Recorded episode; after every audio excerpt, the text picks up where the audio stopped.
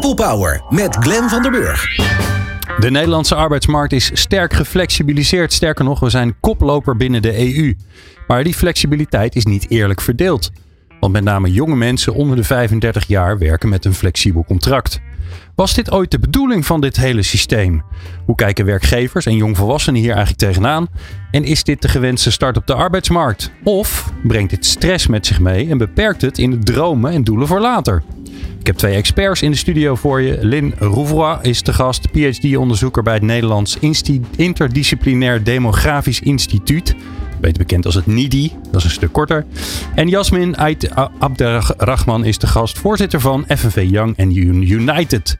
Fijn dat je luistert naar People Power. People Power met Glenn van den Burg. Ja, Lin. Um, hoe hebben we dit eigenlijk ooit bedacht? Zo'n flexibele arbeidsmarkt. Is daar ooit iemand die daar een soort stuk over heeft geschreven? Is er beleid voor gekomen? Een, een soort uh, uh, commissie die we nu natuurlijk ook hebben gezien over de arbeidsmarkt. En was die, was die er vroeger ooit ook in het verleden? Die dachten, nou ja, het moet wat uh, losser allemaal. Ja, nou, er zit natuurlijk een idee achter de huidige mate van flexibilisering van de arbeidsmarkt. En daarvoor moeten we eigenlijk best een tijdje terug moeten we even de geschiedenis in, moeten we naar uh, de jaren tachtig. Um, want in de jaren tachtig, uh, de wat oudere luisteraars uh, zullen het misschien ja, herkennen. dankjewel. excuses. Toen heerste er gewoon hele hoge werkloosheid in Nederland. en met name ook onder de jeugd. Dat was een serieus probleem. Mensen kwamen niet aan een baan. en dat was niet alleen in Nederland zo, dat was eigenlijk een Europees probleem. En heel veel Europese landen hadden datzelfde probleem. Dus toen was er de vraag, wat kunnen we doen als beleidsmakers, als overheden, om die arbeidsmarkt weer een beetje in gang te krijgen. Um, en daar is eigenlijk uh, het zaad, daar ligt het zaadje voor de arbeidsmarkt die we nu hebben. Aha. Toen werd er gedacht, ja, misschien moeten we het makkelijker maken. En dat, dat was ook een vraag vanuit werkgevers. Makkelijker maken om jonge mensen aan te nemen. Om, om überhaupt mensen aan te nemen. Maar het ging toen vooral ook over de jeugd. De drempel eigenlijk verlagen. Precies. Ja. Dus misschien moet de drempel om iemand in dienst te nemen omlaag. Nou was het best wel moeilijk om op dat moment iets te doen aan uh, de vaste dienstverbanden, juridisch gezien. Uh, en daar was ook eigenlijk geen, dat was niet wenselijk. Dus toen was het idee, we moeten iets anders introduceren, waar we meteen mee aan de slag kunnen, waardoor er meteen meer mensen aan een baan kunnen worden geholpen. En toen kwam het idee van misschien moeten we uh, naast het vaste dienstverband, wat toen natuurlijk al bestond en wat gewoon de standaard was, um, moeten we iets juridisch mogelijk maken, wat niet het vaste dienstverband is, maar toch een dienstverband. Ja. Um, en dat type dienstverband, dat kun je dan wat makkelijker ook weer opzeggen. Waardoor um, uh, het voor werkgevers wat minder uh, spannend wordt om iemand aan te nemen. Hm. En toen zijn er een aantal uh, wat we nu dan flexibele dienstverbanden noemen, uh, geïntroduceerd. Met name bijvoorbeeld het contract voor bepaalde tijd. Dus gewoon een bepaalde tijdsduur afspreken. Jij komt voor mij werken, dat uh, doe je twee jaar en daarna houdt het weer op. Zien we het wel, ja. Um, ja. Dat, is, um, dat werd in de jaren tachtig um, geïntroduceerd als de oplossing voor de grote problematieken die er toen waren. En voordat we dadelijk nog allerlei andere dingen gaan zeggen over flexibele dienstverbanden. Toen de tijd is dat een hele goede manier gebleken om de jeugdwerkeloosheid uh, te tegen te gaan. Ja. Precies. Ja. Te verminderen. Maar een want, oud vehikel dus eigenlijk. Het is een oud vehikel. Ja. Want inderdaad, uh, toen, uh, dat bleek heel populair onder werkgevers, die flexibele dienstverbanden. Dus met name de, de, de grote groei in flexwerk, die zaten met name midden jaren negentig tot ongeveer na de economische crisis, 2013 ongeveer. Toen is het echt uh, de groeispurt van de flexibele arbeidsmarkt. Ja, en daarnaast hebben wij in Nederland ook nog eens een keer, uh, zijn we zo'n beetje de uitvinder volgens mij van het uitzendwerk. Want wij hebben niet voor niks natuurlijk een mega groot bedrijf in Nederland die Randstad heet. die daar heel groot mee is geworden. Hè? Dus dat, dat, dat die flexibele vraag voor personeel, die werd ook al door, uh, door uitzendwerk natuurlijk ingevuld. Precies, want het is misschien nog wel handig om even gewoon te definiëren van ja, wat is een flexibel arbeidsverband eigenlijk? Er zijn namelijk verschillende typen uh, dienstverbanden die allemaal onder de uh, paraplu flexwerk vallen. Ja. en daar verstaan we dus tijdelijke contracten onder, dus voor een bepaalde duur. Maar bijvoorbeeld ook uitzendcontracten, zoals je inderdaad aangaf, Glenn. Ja. Um, oproepcontracten. Dat zijn allemaal type flexibele dienstverbanden. ZZP'ers? Ja, de ZZP'ers zitten daar nog weer naast. Dus um, ZZP'ers hebben toch een ander soort. Die hebben meestal opdrachtgevers in plaats van werkgevers. Yeah. Dus dat is een ander soort manier van samenwerken. Dus ZZP'ers zien we meestal ook in het onderzoek als een aparte groep. Vaak wordt het wel onder de flexwerk uh, paraplu gegooid. Mhm. Maar als het gaat om werknemer-werkgeverrelatie, dan horen flexwerkers, uh, dan horen ZZP'ers er niet bij. Nee, Dus ook zit in mijn daar eigen natuurlijk onderzoek- heel veel verkapt eh, flexibel werk in. Eh, mensen die al jaren bij dezelfde opdrachtgever zitten met een ZZP-contract. Eh, waar ook de politiek nog steeds een oplossing voor probeert te zoeken. Hoe gaan we daar nou weer mee om? Inderdaad, dat Ja. maakt het ingewikkeld, omdat er gewoon best een grijs gebied is waar het onduidelijk is van is hier iemand nou echt zelfstandig ondernemer of is die inderdaad eigenlijk gewoon in een dienstverband, alleen is de juridische basis klopt niet. Ja, ja, en we hebben er eigenlijk nog steeds geen goede wet voor. Ook toch, die handhaafbaar is enzovoort. Eh, nee, ik denk dat dat nog steeds work in progress is. Ja. Nou, ehm, je zou zeggen, ehm, operatie geslaagd. Hè? Jeugdwerkeloosheid een stuk minder geworden. Hartstikke goed. Maar ja, dat was in de jaren tachtig. Ehm Jasmin, jij bestond nog niet. Dat klopt. Ik- ik- Lin volgens mij ook Ja, niet. bestond ook ook nog niet. niet. zeker ook niet. Eh, ik wel, maar eh, ja, ik heb dat, zeg maar, dat spook van de werkeloosheid meegekregen in mijn opvoeding. Van wel iets gaan doen waar je een baan, later een beetje een baan voor kan krijgen. hè. Dus ik ben geen kunstacademie gaan doen. Dat was eh, toen eh, niet zo verstandig. Tenminste, dat vond, eh, vond iedereen. Ehm, die flexibilisering, ehm, daar valt heel veel voor te zeggen. Daar valt ook heel veel tegen te zeggen. Het is niet voor niks dat jij hier zit vanuit FNV Jong. Ja. Ehm, dus ehm, waarom, is het, waarom is, het, is het een jaren tachtig ding en moet er nodig wat aan gebeuren? Nou ja, wat je zei, in de jaren tachtig eh, bestonden wij nog niet. Ehm, sowieso als je kijkt naar het concept van een flexibele, eh, flexibele arbeidsmarkt, dan Lindy zei het eigenlijk al, het is heel erg beredeneerd vanuit wat is makkelijk voor de werkgever. Maar als je kijkt naar flexibele dienstverbanden, wat je daarmee eigenlijk doet, is bijna een soort Russisch roulette spelen met de bestaanszekerheid van heel veel mensen. Eh, en dan vooral voor jonge mensen. Eh, als we kijken naar de, de, vertegenwoordiging van eh, verschillende groepen in flexwerk, dan zien we de jongeren echt oververtegenwoordigd zijn. Dus dat is echt de groep onder de 35 jaar. En dat betekent eigenlijk dat dat mensen zijn die heel vaak zich moeten afvragen of ze volgende maand de huur nog wel kunnen betalen. of de boodschappen nog wel kunnen doen.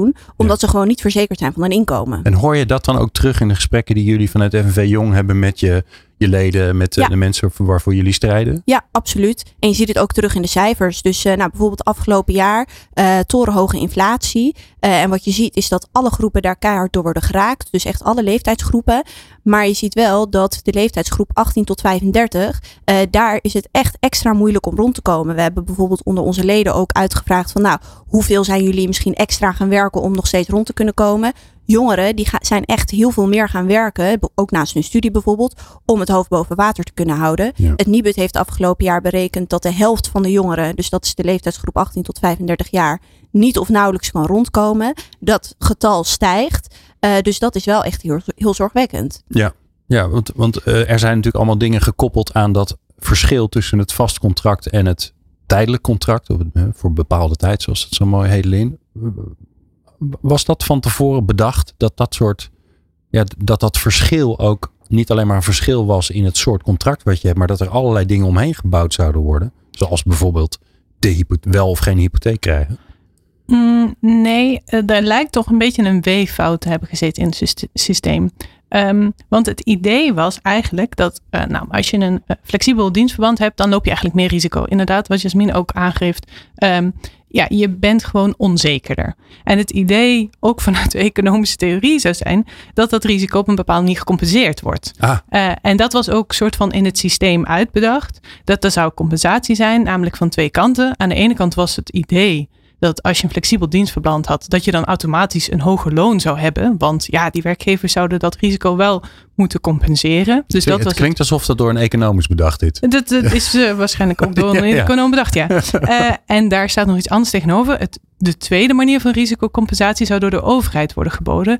Namelijk in de vorm van sociale zekerheid. Want het was natuurlijk vanuit de overheid ingestoken, de flexibilisering van de arbeidsmarkt. En het achterliggende idee was dat het dan, dat heet ehm flex security Ah, idee. ja, ja. Dat er ehm, omdat je eigenlijk met een flexibel dienstverband een hoger risico op werkeloosheid hebt. Want ja, die werkgever kan makkelijk van je af. Dat als je dan werkeloos wordt, dat er dan een wat soepelere werkloosheidsuitkering tegenover stond. Zodat je je geen zorgen hoefde te maken over of je wel rond kon komen. Ah. Dat was het idee. Maar het Alleen- tegenovergestelde is waar volgens mij. hè? Nou ja, de praktijk is vaak anders dan de theorie. In de praktijk is het gemiddeld genomen zo dat als je een flexibel dienstverband hebt, dat je een lager loon verdient. En tegelijkertijd is samen met de invoering en de grootste groei van, de eh, van de, het aandeel flexibele arbeidscontracten, is de sociale zekerheid juist afgebouwd. En is het juist moeilijker geworden om een werkloosheidsuitkering te krijgen. En eh, ligt er een hogere drempel op. Dus Ja. er is iets geks. En sterker nog, volgens mij zit hij heel erg juist vast aan hoeveel dienstjaren heb je gehad voordat je ontslagen wordt. Precies. Dus, dus er zit een soort rare andersom bere- beredenering in. Als je lang bij een organisatie zit en je wordt ontslagen, dan heb je blijkbaar langer nodig om een andere baan te vinden. Ja, terwijl als je maar kort ergens binnen bent, dan eh, ben je eigenlijk ook al heel snel weer op je eigen reserves aangewezen. Ja. En om het verhaal van Jasmin nog even te ondersteunen, wat is nou precies het probleem met die flexibilisering van, het arbeid, van de arbeidsmarkt? Nou, het probleem, of in ieder geval het grote risico is, dat we inmiddels op de Nederlandse arbeidsmarkt een behoorlijk dikke flexibele schil hebben. Dus op dit moment heeft 29% van alle werkenden een flexibel dienstverband. Dat betekent dat de risico's die Jasmin schetst, eh, die eh, Jasmin terecht zegt, die liggen vooral bij jongvolwassenen, maar ook Ja. bij mensen boven de 35. Eh, dat geldt voor een behoorlijk grote groep werkenden in Nederland. Dus dat betekent dat als het dadelijk economisch wat minder gaat, dat dat ook meteen de mensen zijn die eerder eh, aanspraak maken op allerlei andere voorzieningen, omdat ze gewoon uit het werk het niet meer kunnen halen. Ja. En dat is eigenlijk, ja, ik vind Russische roulette best een mooie eh, beeldspraak.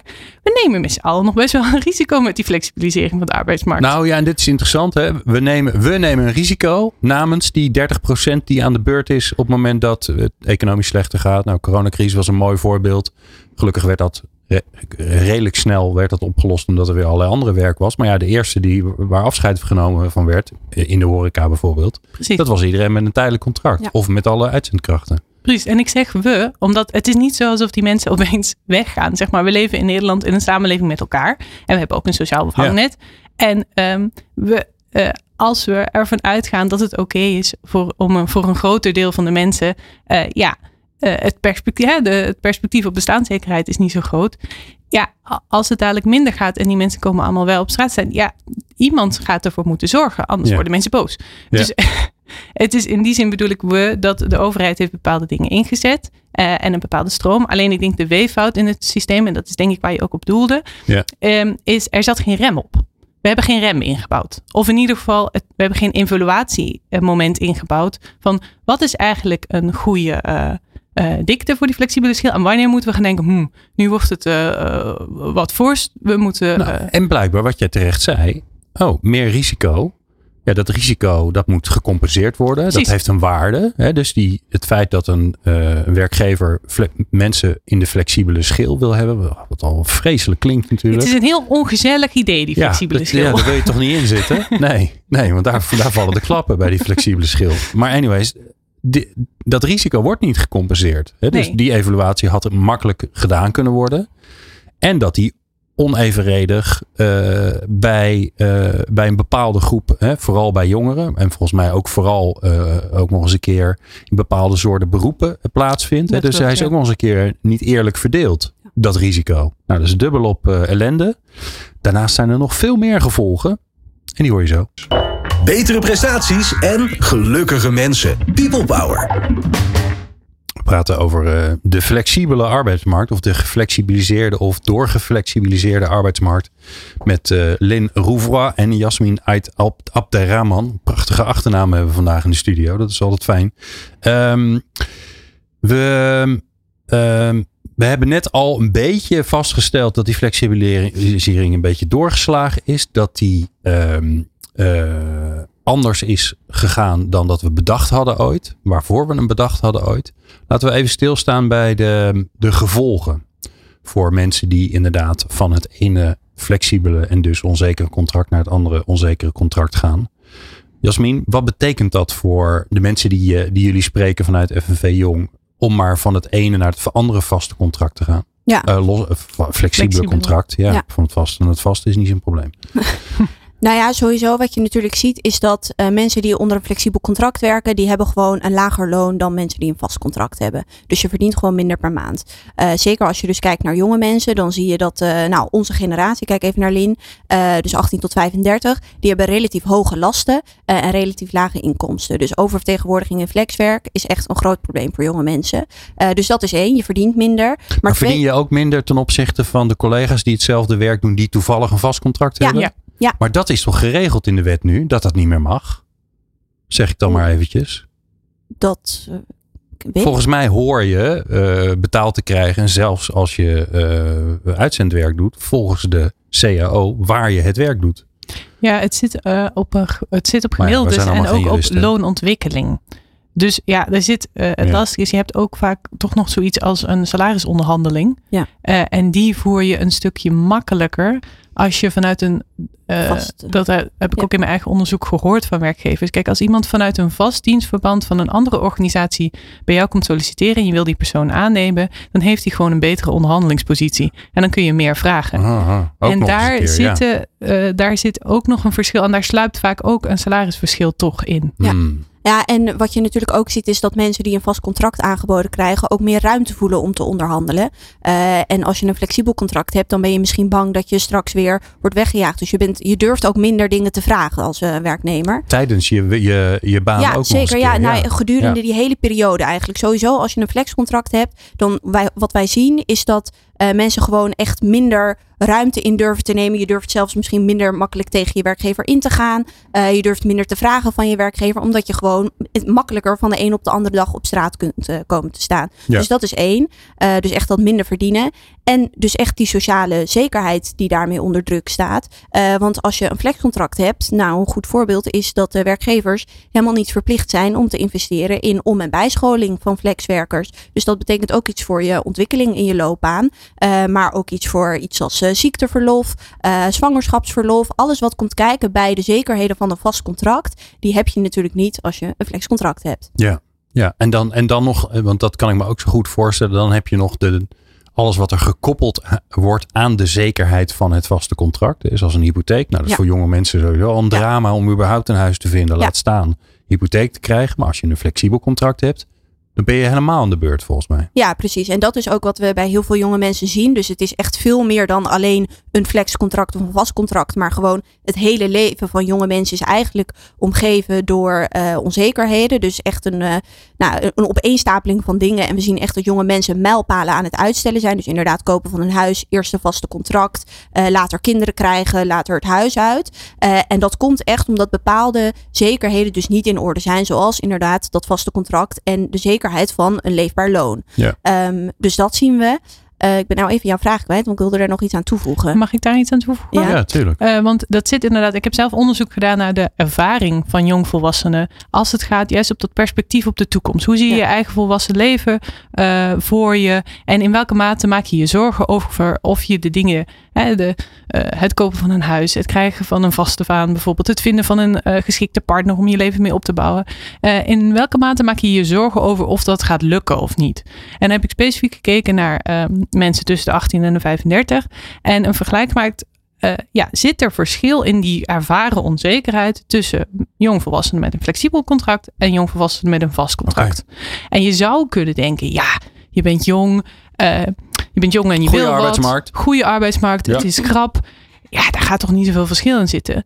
Maar het tegenovergestelde is waar. Ik vond duidelijk een verschil in ervaren onzekerheid tussen mensen met een flexibel contract en een vast contract. En dan vind ik dus dat mensen met een flexibel dienstverband en dan met name een flexibel dienstverband zonder uitzicht op vast, dus zonder dat toekomstperspectief en dat perspectief op zekerheid, ja. die ervaren meer onzekerheid. En dan niet alleen als het gaat om je financiën of je werk en je carrière, maar ook op het uh, privédomein. Dus ook op, vind ik wel een partner, ga ik wel ja. voor mijn ouders kunnen zorgen. Ja, dus ja dat, het wordt betrokken op eigenlijk alle belangrijke grote dingen in het leven. Precies. Dus die flexibilisering uh, van de arbeidsmarkt die werkt door in het proces van volwassen worden.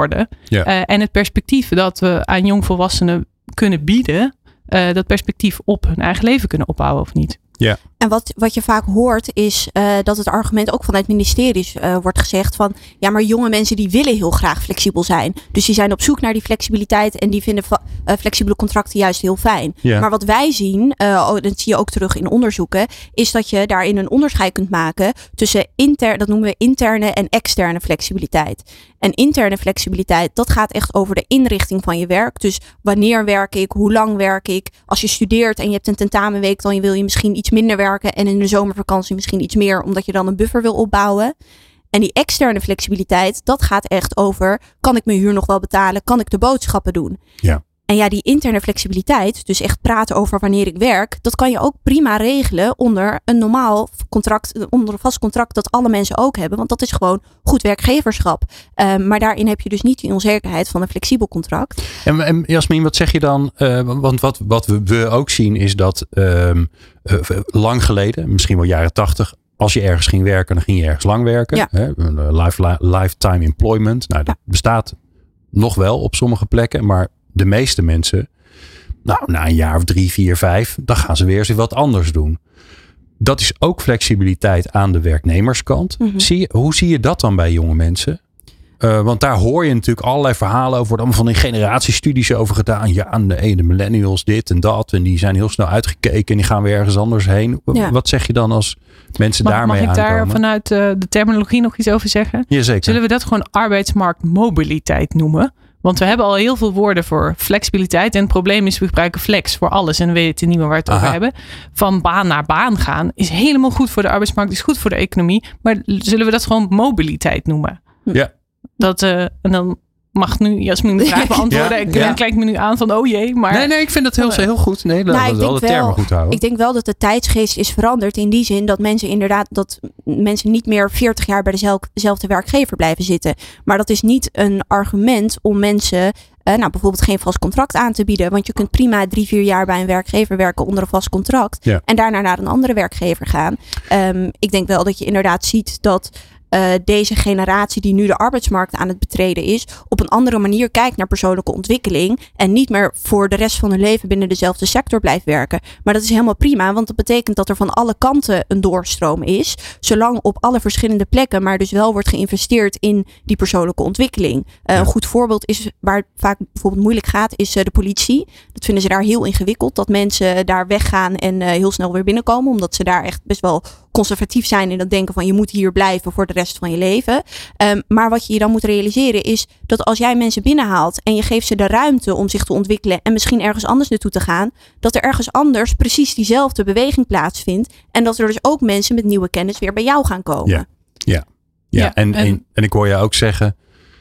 Het feit dat je na die drie, vier, vijf jaar eens een keer wat anders gaat doen, wil nog niet zeggen dat je daar ook je contract op moet gaan inrichten. Want het gevolg van dat contract Ja. is gewoon bestaansonzekerheid. Exact. En Ja. dat is wat we gewoon überhaupt niet moeten willen. Precies. En eh, nou, de arbeidsmarkt die wordt nu hervormd. Hè? Dus het ministerie van eh, Sociale Zaken is met een heel pakket gekomen aan eh, plannen om de arbeidsmarkt te hervormen. Daar staan wat mij betreft hele goede dingen in ook. Dus flexcontracten worden aan banden gelegd. Nul euro contracten eh, gaan eraan. Ja, we hebben in Nederland, eh, dat noemen we een draaideurconstructie. eh, waarbij eh, mensen eh, een aantal keer een flexcontract aangeboden mogen krijgen. En daarna ben je volgens de wet verplicht om een vast contract aan te bieden. Ja. Nou, wat je vaak zag, wat werkgevers dan doen, is dat ze dan mensen ontslaan. Nadat ze eh, op het moment dat ze dat vaste contract moeten krijgen. Dan worden ze ontslagen en dan worden ze na een tijdje weer aangenomen, zodat ze alsnog dat flexcontract opnieuw kunnen Ja, krijgen. dat was drie maanden en dat is nu Ja. zes maanden volgens Ja. mij. Hè? Ja. Het wordt vijf- zes als- weken. Ja, uit mijn hoofd zeg ik dat even. Zes weken is het volgens mij nu. zes maanden en het wordt vijf jaar. Dus Het wordt of vijf jaar. Eh, nou, Holy. het staat nog niet vast. Hè. Moet, er moet nog eh, eh, een kabinet over beslissen. Maar het idee is dat het een hele lange periode wordt. Waardoor eh, eh, werkgevers twee keer eh, moeten nadenken van... oké, als ik jou nu laat gaan... dan ben ik je de komende jaren kwijt. Of en ik daarmee, moet je direct een vast contract geven. Want je mag Nou ja, natuurlijk na wel die, terugkomen. na die periode eh, dat je de tijdelijke contract hebt gehad. Ja, ja, dus, Dus- pas weer na vijf jaar mag je weer een, een ja, Precies. Ja. Want wat ik daar nog op wilde aanvullen. We hebben natuurlijk in Nederland ook best wel veel hele grote werkgevers. En eh, soms eh, in het idee van arbeidsmarktmobiliteit vergeten we dat je natuurlijk gewoon met een vaste dienstbetrekking bij een grotere werkgever allerlei verschillende banen binnen dezelfde organisatie kunt doen. Je kunt wel van baan naar baan. Je hoeft niet de hele tijd hetzelfde te blijven doen. Uh, dus daarin is er ook gewoon binnen organisaties heel veel mogelijkheid tot interne mobiliteit. Zonder dat je daarmee hoeft te morrelen aan de, arbeid, uh, de arbeidsvoorwaarden op basis van waarvan je iemand aanstelt. Ja. Waar ik zo met jullie uh, uh, het laatste blok alweer, maar dan hebben we daar nog even de tijd voor, ehm, aandacht aan wil besteden, is ehm, eh, hoe we dit op kunnen lossen, zowel in het groot als in het klein. Als je nu denkt als werkgever, ja stom eigenlijk dat ik al die, die, die, die tijdelijke contracten, wat een onzin eigenlijk, hoe kan ik dat nou fixen en wat heb ik er eigenlijk aan? Dat hoor je zo. Experts en wetenschappers over de kracht van mensen in organisaties. People Power. Eh, Lin Rouvroy en Jasmin uit Abderrahman. Aan het einde van de uitzending dan denk ik dat ik het uh, allemaal netjes uh, uit kan spreken. Uh, die zijn in de studio. Jasmin van um, FNV Jong en Lin van de Universiteit Utrecht. Nee, Universiteit van het NIDI. Hè? Van het NIDI, Ja. ja. die ga ik niet weer helemaal uitspreken. Dat is een heel lang verhaal. Um, het moet anders. En dat weten we eigenlijk al een tijd. Volgens mij is Wouter Koolmees daar al mee bezig geweest door uh, aanpassingen te doen aan de arbeidsmarkt. Er ligt dus nu weer een plan voor uh, aanpassen van de arbeidsmarkt.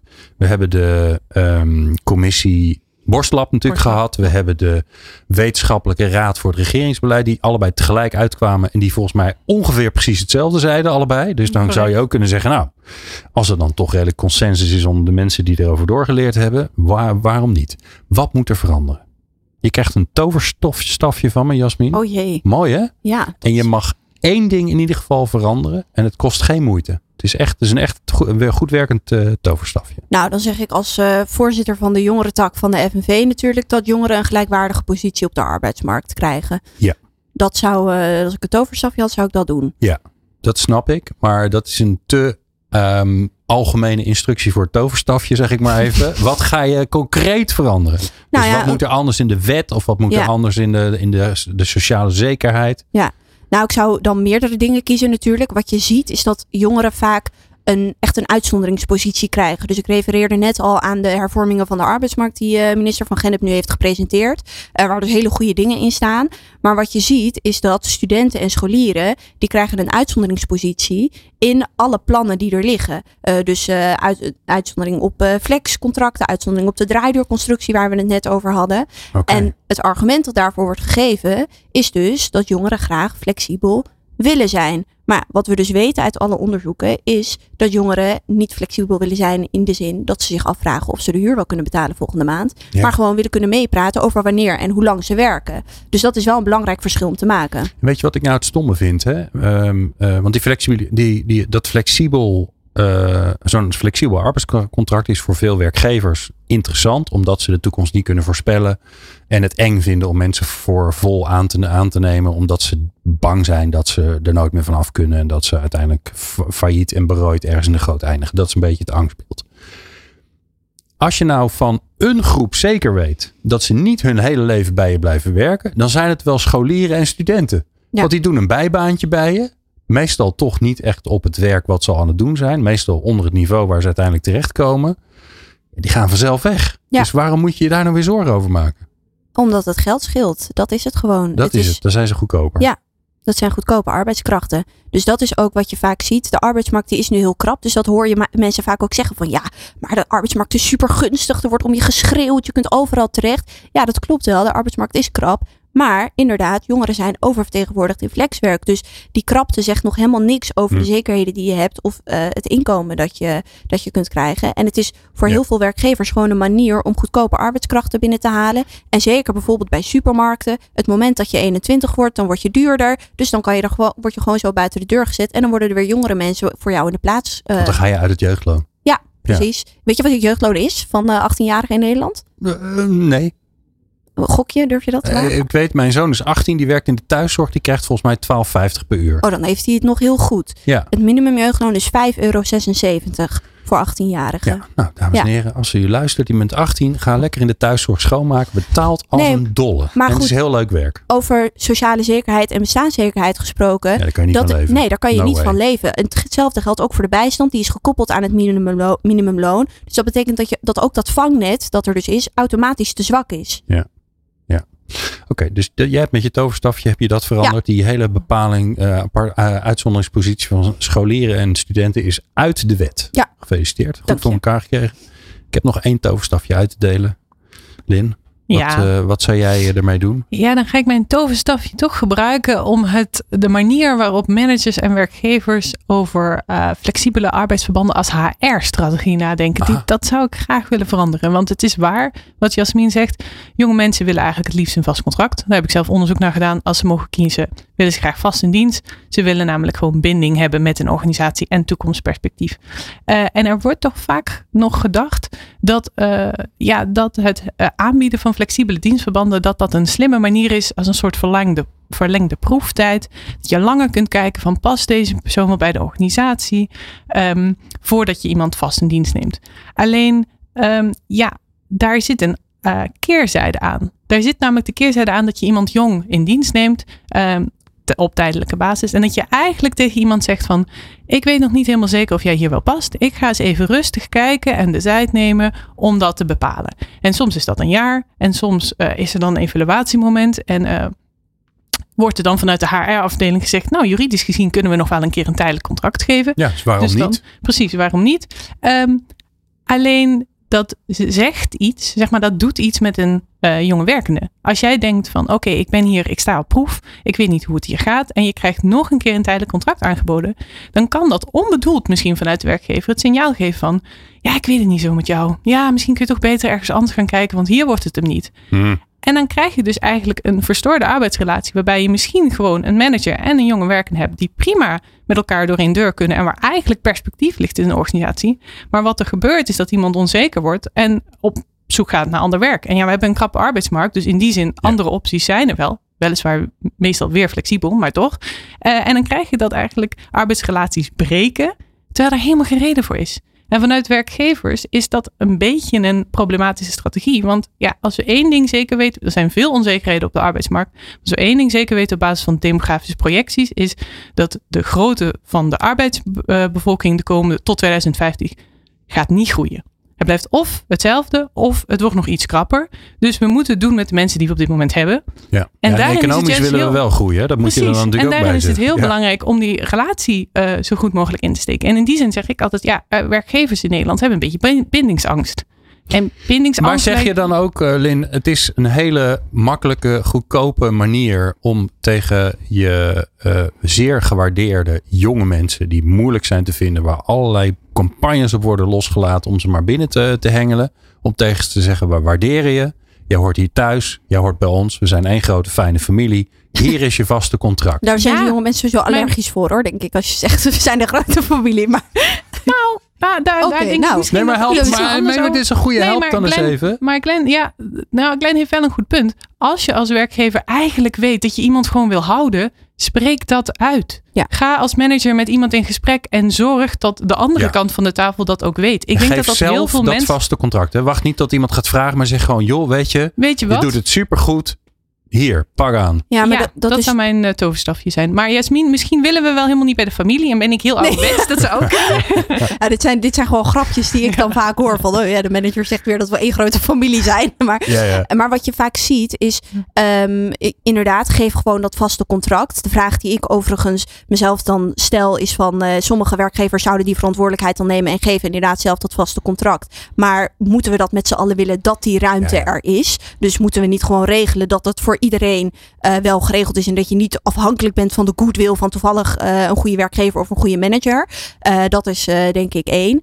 Ehm, en wat je. eh, wat was de vraag? Nou ja, wil je bij die familie. Ik, ik zei Ja. van eh, dat je, je hebt de mogelijkheid om mensen aan je te binden. En toen zei jij, ja, ho even. ja, Bij de Nou ja, familie, dat wordt je- een beetje beklemmend. ja, wat Ja, je sommige veel mensen ziet, hebben een moeilijke relatie met hun familie. Ja, ik dat snap het op zich wel. Maar wat je veel ziet is dat eh, het vaste contract bij heel veel jonge mensen ook wordt gepresenteerd als iets wat ze niet zouden moeten willen door de werkgever. Dus dat er echt wordt gezegd van eh, ja, een vast contract, dat is, dat, dan zit je aan ons vast. Dan kan je niet zomaar weg. Uh, alsof je dan van alles zou moeten ook ineens. En een flexibel contract wordt dan heel erg gepresenteerd als ja, dan heb je vrijheid. Uh, dan kan je doen wat je wil. Dus daarom ook als je aan jonge mensen vraagt van wat wil je? Het is echt maar net hoe je die vraag ook stelt. Uh, omdat het dus ook een bepaalde framing kan zijn om ervoor te zorgen dat jonge mensen dus zelf gaan kiezen voor dat flexibele contract. Terwijl de effecten die dat heeft, dat ze dat helemaal niet zouden willen. Nee, want uh, als je een vast contract hebt, dan heb je nog steeds een opzegtermijn van max twee maanden volgens ja. mij. En dat is het. Ja, ja. Een, een, vast contract is echt gewoon een beschermd contract. Ja. Een beter beschermd contract. Precies. die namen zijn Klinkt wat prettiger. Ja, het is onbepaalde tijd. Ja. Ja. Gaan... Dat geeft eigenlijk best wel veel vrijheid, onbepaalde tijd. Ja, kan dat kort kan zijn, ook, kan ook lang ja, zijn. Het kan ook over twee maanden voorbij zijn als je denkt, nou, Ja. ik vind het echt stom hier. Ik ga lekker wat anders doen. Precies. Alright. Ehm, ehm, we gaan nog even naar die, want ik, ik hoor wat je zegt, Jasmin. Ik ben het helemaal met je eens. Het Dat moet zo georganiseerd zijn dat eigenlijk dat systeem zoals we het ooit bedacht hebben in de jaren tachtig, dat het weer naar het heden wordt getrokken. Dat die best- besta- bestaansonzekerheid die onevenredig verdeeld is bij jonge mensen en alle anderen overigens die een eh, tijdelijk contract hebben. Dat moeten we oplossen. Dat gaat ongetwijfeld nog even duren. Eh, want er staat nu alweer een bepaling in de plannen die er nu zijn, die voor scholieren en, eh, en studenten niet eh, gunstig is. Als er nu werkgevers luisteren en denken van ja, ik vind dat inderdaad niet fair. Ik wil niet wachten totdat de wet allemaal aangepast is. Wat, waarom zouden ze nu al proactief naar hun fijne collega's toe moeten gaan? Even het lijstje maken. Wie heeft er bij ons een tijdelijk contract? Eh, wie gaan we allemaal vast contract geven? Wa- Wat, wat heb je daaraan als werkgever? Wat gebeurt er als je dat doet? Nou, ik weet, ik zou zo, ik heb sowieso vraagtekens bij die vraag, denk ik. Want de vraag is misschien niet zozeer wat heb je eraan als werkgever, maar wat hebben we eraan als maatschappij en wat hebben er, wat hebben de mensen die, wat hebben werken, wat heb je er als werkende aan? Dat is denk ik de belangrijkste vraag. Want uiteindelijk liggen vaak de winsten ook bij de werkgever. Dus als je wilt dat je nou ja, een goede werkgever bent en dus ook voor de mensen zorgt die bij jou werken, dan is dat gewoon de verantwoordelijkheid die je zou moeten Het is nemen. goed werkgeverschap. Ja, wat Ja. mij betreft wel. Nou, en Ja. ik, in mijn perspectief heeft de werkgever er dus wel degelijk iets aan. Want we, we zitten op een hele competitieve, krappe arbeidsmarkt. Waar het helemaal niet zo makkelijk is om goede mensen te vinden. Dus daarin is het belangrijk om je te realiseren dat als je goede mensen in huis hebt. En zeker als het jonge, goede mensen zijn. Die misschien zelfs nog wel een tijdje door kunnen in je organisatie. Dan mag je in je handjes knijpen. Dus in die zin zou ik zeggen binden. Ehm, en ja, dan kunnen ze nog altijd weg. En dat betekent niet voor de jonge mensen dat ze hun, hele leven bij die organisatie moeten blijven. Maar vanuit werkgevers denk ik, ja, eh, tel uit je winst en zorg dat ze niet weglopen. Ja, en wat volgens mij heel veel werkgevers, zeker de wat kleinere werkgevers, niet weten, is dat je met een vast contract gewoon 5% minder WW-premie Het is ook betaalt. goedkoper, hè? ja. En dat is 5% op je loonsom, hè, mind you. Dus dat is echt veel geld. Eh, daar moet je het natuurlijk niet voor doen, maar dat is wel mooi meegenomen. En dat is een kwestie van eh, on, on voor bepaalde tijd zetten op je contract. Veel meer hoef je niet te doen. En even de datum doorstrepen en nieuwe handtekening zetten. En dan heb je 5% op je loonsom verdiend. Nou, hè? er zijn dagen dat je, dat je niet 5% eh, extra marge maakt op je jaaromzet. Ehm eh, Maar het is wel goed om te zeggen, die 5%, het is nog steeds wel goedkoper onderaan de streep om flexwer, flexcontracten aan te bieden dan vaste contracten. Als je kijkt naar iets als ziekteverlof. eh, nou, jonge mensen zijn nooit ziek, joh. Sorry. Jonge mensen worden bijna Die werken keihard. Ja, werken keihard. nou dat, eh, dat Daarom. inderdaad. Nee, maar goed, onderaan alles wat om en bijscholing waar we het net over hadden, alles wat komt kijken bij een vast contract, dat maakt een flexcontract nog steeds wel goedkoper. Ja, en dat moet dus ook aangepast worden, hoor ik jou Ja. zeggen. Ja. Ehm, misschien nog even een leuk oproepje, tipje. eh, ik heb, eh, moet je heel eerlijk zeggen, nog niet zo heel veel debatten gekeken eh, in de huidige, po- huidige politieke arena. Eh, ook omdat ik er een beetje kriebel van krijg ze nu en dan. Maar ehm, wat eh, kunnen we nog meegeven aan eh, de heren en dames politici? Want dit onderwerp, de hele arbeidsmarkt, ik hoor er niet zoveel over in de hele campagne. Hmm, het gaat wel veel over bestaanszekerheid. Dus Ja. veel over armoede, Armoede. mensen in de bijstand. eh, ook eh, nou, dat het minimumloon omhoog moet naar 16 euro. Dus dat is denk ik heel goed dat het daarover gaat. Ik vind overigens wel dat het heel weinig gaat over bestaanszekerheid van jonge mensen. Die dus van alle groepen wel echt het meest onder druk staat. Eh, dus daar mag het wat mij betreft meer over gaan. Ja, het gaat niet, zo, niet zoveel over die technische arbeidsmarktvraagstukken. Maar dat is denk ik ook niet zo gek in campagnetijd. En omdat er dus inderdaad al hervormingen van de arbeidsmarkt liggen die niet controversieel zijn verklaard. Dus dat betekent dat dat gewoon nu nog, uh, dat die gewoon nu doorgevoerd gaan worden. Dus dat is denk ik niet zo gek. Nee. Moet alleen even die studenten en jongeren Precies, ja. En dus dan daar zijn, hebben we nog dan een zijn, beetje campagne te voor te voeren. Ja, en dan Ja. hebben we de eerste stappen gezet. Ja, het zijn toch best wat eh, stemmers, hè? Alle studenten en jongeren. Ehm, nou, kijk, dat is natuurlijk ook een ding. Als je even, als je de politieke arena bekijkt, electoraal gezien hebben jongeren een, een nadeel. Want de samenleving is heel erg vergrijsd. Dus dat betekent ook dat ouderen die gaan heel veel stemmen. Jongeren stemmen al minder dan ouderen over het Ja, algemeen. ga stemmen. Ja, dus dat betekent dat die stem ook letterlijk ondervertegenwoordigd is. En dat zie je dus ook terug in de thema's die worden aangekaart door politici. Want daar ligt gewoon niet hun electoraal gewin. Ja, maar daar, daar zit, eh, werkt de vergrijzing misschien toch nog enigszins in het voordeel van de jongvolwassenen. Want eh, de, ook de oudere Nederlander heeft er baat bij dat er zoveel mogelijk mensen die willen werken in Nederland gewoon aan het werk zijn, aan het verdienen. En dus ook bijdragen aan ons sociale zekerheidsstelsel. Want zeker met het oog op de vergrijzing hebben we het gewoon nodig dat er nog genoeg mensen eh, dat sociale zekerheidsstelsel Ja. Spekken. Ja. Dus in die zin heeft ook de oudere Nederlander er toch wel baat bij dat, het, eh, dat de manier waarop de arbeidsmarkt functioneert, dat die gunstig is ingericht voor jongvolwassenen. Dat ben ik helemaal met je eens. Maar ik denk dat dat wel echt een, lang, een soort lange termijn denken is. Waar nu, veel, waar nu helemaal niet Precies. mee eh, wordt gedacht. Ja. Eh, want het is ja, we gaan, we gaan van verkiezing naar verkiezing vier jaar op vier jaar. Dus dat is inderdaad niet gedacht dat in 2040 eh, de zorgkosten verdubbelen. Of dat straks eh, mijn generatie de pensioenkosten van ik weet niet hoeveel AOW'ers moet gaan betalen. Ja, daar wordt allemaal geen rekening mee gehouden. Dat Ja. is veel te ver, ver uitgedacht. Ja, want als je het mij vraagt waar ik op zoek ben naar als het gaat om het politieke plaatje en wat ik graag zou horen is een lange termijnvisie op de Ja. arbeidsmarkt. Bedoel, Er wordt wel al meer over gepraat en er het bewustzijn groeit dat we misschien iets moeten veranderen. Maar gewoon, wat is het plan? En dan niet het plan voor de komende vier jaar, maar voor de komende 10, 20 jaar. Ja. Ehm, misschien wel 30, doe eens En, gek. en er liggen al Eh, hele goede aanbevelingen van eh, de commissie Precies, want er en liggen van de namelijk, WR. Die eh, liggen er allemaal. ja. Er En- ligt genoeg materiaal mee te werken. Ja. Alleen wat wordt dan de politieke uitwerking daarvan? Ja. En waar wordt er wel of niet in stelling genomen? Ja, dus ik zou benieuwd. zeggen, niet weer een commissie, niet weer een onderzoek. Ook al moet er meer onderzocht worden, dat vinden wij natuurlijk altijd. Eh, maar dit, dit, in dit geval moet er vooral visie komen. Visie. Ja, Precies. en misschien zonder Mark Rutte gaan we dat nu eindelijk een keer krijgen. Dat zou toch mooi zijn, hè? We gaan het zien. Ja, hè? kan hij ondertussen naar de oogarts om eh, even zijn ogen op te laten meten.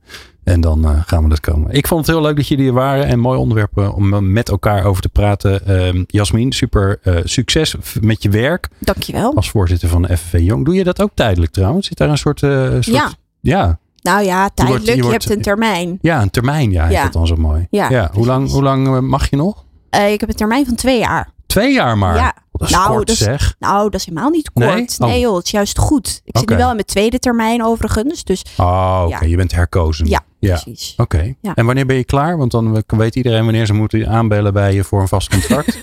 Over eh, anderhalf jaar. oh, dat duurt nog even. Ja. Nou, eh, dames en heren, eh, u kunt haar vinden. eh Jasmin Ait Abderrahman. Ja, dat, nee, daarom. Ik zou zeggen, eh, maak er gebruik van. Over anderhalf jaar eh, eh, is het te kopen op de arbeidsmarkt. En dan eh, zou ik er gelijk een, een contract voor onbepaalde tijd aanbieden. Eh Lin uh, Rouvroy, dankjewel dat je er was. Succes met het onderzoek. Ja, mijn proefschrift eh, is bijna af. Ik ga het begin volgend jaar ergens verdedigen. Dus Spannend. kunnen we het lezen. Oh, wauw. Nou, onwijs veel succes met de laatste loodjes. Dank je. En jij natuurlijk dankjewel voor het luisteren naar deze aflevering van People Power. Veel meer vind je op alle bekende kanalen. Meer luisteren? Ga naar peoplepower.radio en abonneer je op onze podcast.